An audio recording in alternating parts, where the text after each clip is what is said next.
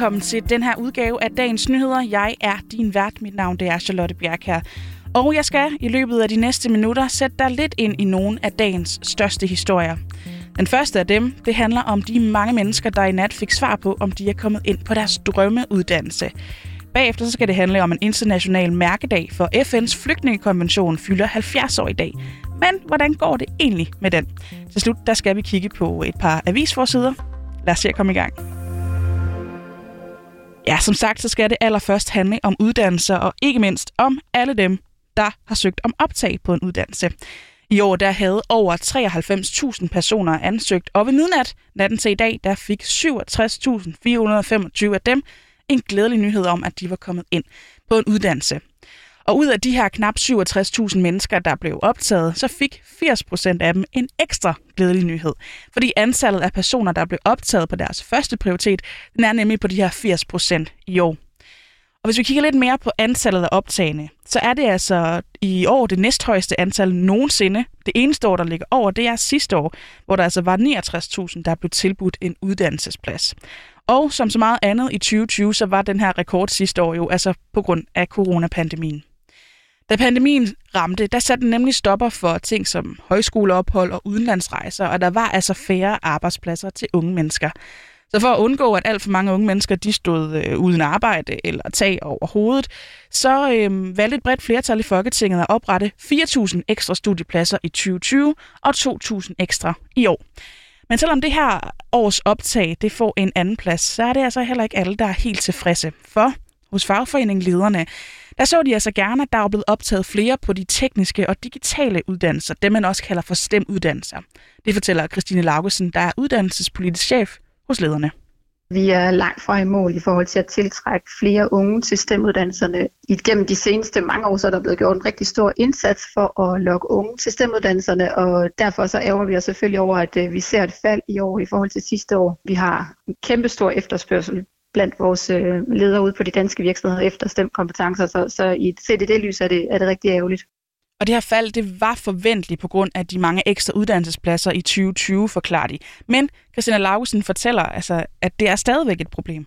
Sidste år var en, var en særlig situation, fordi der var den her situation med ekstra studiepladser, hvor nogle af pladserne øh, også gik til stemområdet. Grunden til, at vi stadigvæk synes, at det, det er rigtig problematisk, at vi ikke formår at tiltrække flere unge til stemuddannelserne, det er jo fordi, vi har et, et arbejdsmarked, der virkelig skriger efter stemkompetencer. Hvis man for eksempel zoomer ind for, på IT-området, så kan man se, at allerede i 2030, så mangler vi 22.000 unge, der har IT-kompetencer. Det er altså rigtig mange, og der har man allerede taget højde for, at vi ligesom producerer flere IT-uddannede gennem årene, så, så vi står altså med en akut mangelsituation. Så selv med den, øh, den lille stigning, vi, vi så sidste år, så, så, så går det bare alt for langsomt. Så, så selvom man så sammenlignet med 19 og sagde, jamen, hvordan ser udviklingen så ud, hvis man ser bort fra, fra 2020, som, som var et særligt corona-år, hvor også ekstraordinært mange unge søgte mod de videregående uddannelser, så, så står vi bare stadigvæk i en situation, hvor det går rigtig, rigtig langsomt. Så, så det er i virkeligheden den udvikling, vi er, vi er meget bekymrede for.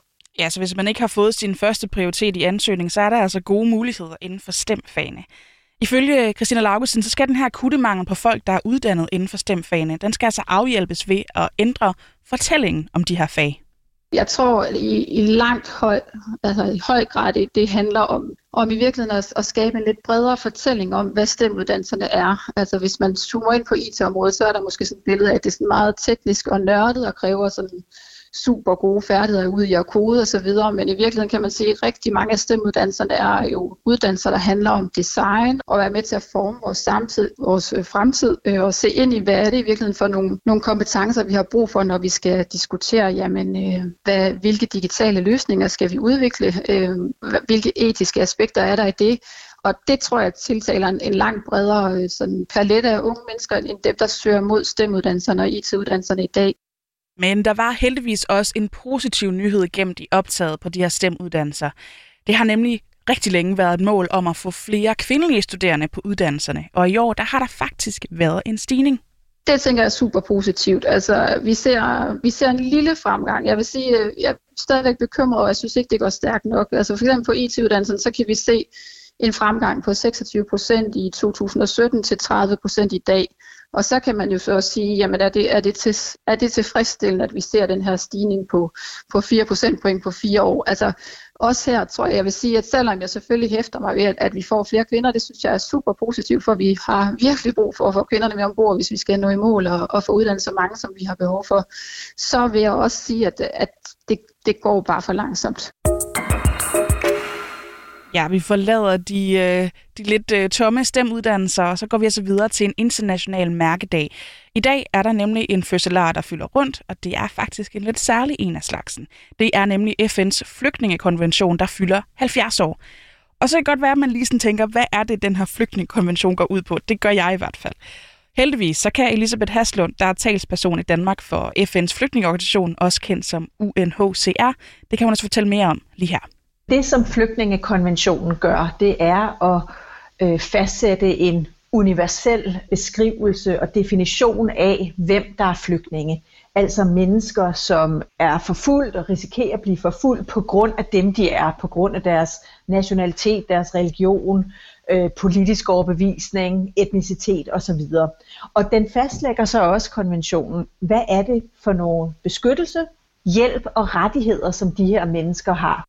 Ja, og i dag der er det altså 70 år siden, at det internationale samfund blev enige om, at de skulle lave den her konvention og sætte nogle krav og nogle mål, og så fik de udarbejdet den.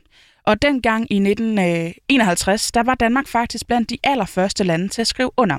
Men konventionen den er altså stadigvæk relevant i dag, nu hvor det er 70 år efter.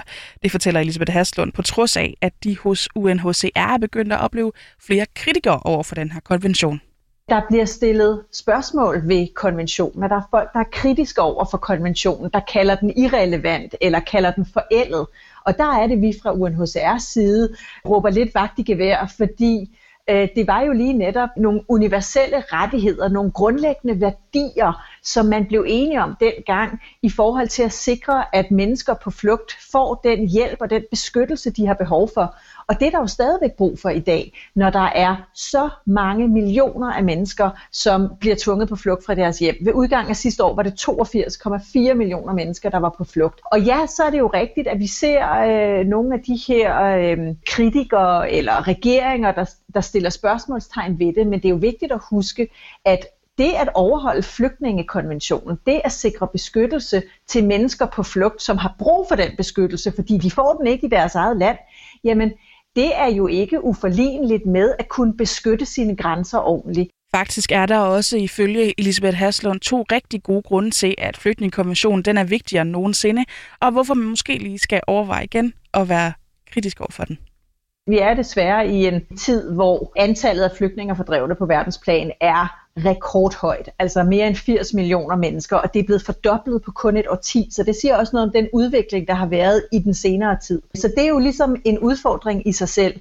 Og så er der jo så den anden udfordring, der hedder, at 86 procent af verdens flygtninge, de befinder sig i udviklingslande og nogle af de fattigste lande i verden. Så der er jo hele det her behov for at sikre en lidt mere ligelig fordeling af ansvaret for verdens flygtninge. Og over for det står jo så desværre nogle af de tiltag, som vi har set, hvor stater de øh, laver det, vi kalder for pushbacks, altså skubber mennesker tilbage over grænsen. Det kan være til havs, og det kan være til lands, at der bliver lukket grænser, bygget grænsehegn, og jo så også nogle af de her øh, idéer og planer om at prøve at eksportere asyl eller outsource asyl til andre lande. Ja, og det sidste punkt her med at flytte asylansøgere ud af landet, det er noget, som blandt andet Danmark faktisk arbejder på. Fordi udlændinge- og integrationsminister Mathias Tesfaye, han lavede i slutningen af april i år en aftale med Rwanda om, at de skal huse et muligt modtagscenter for flygtninge, der søger om asyl i Danmark.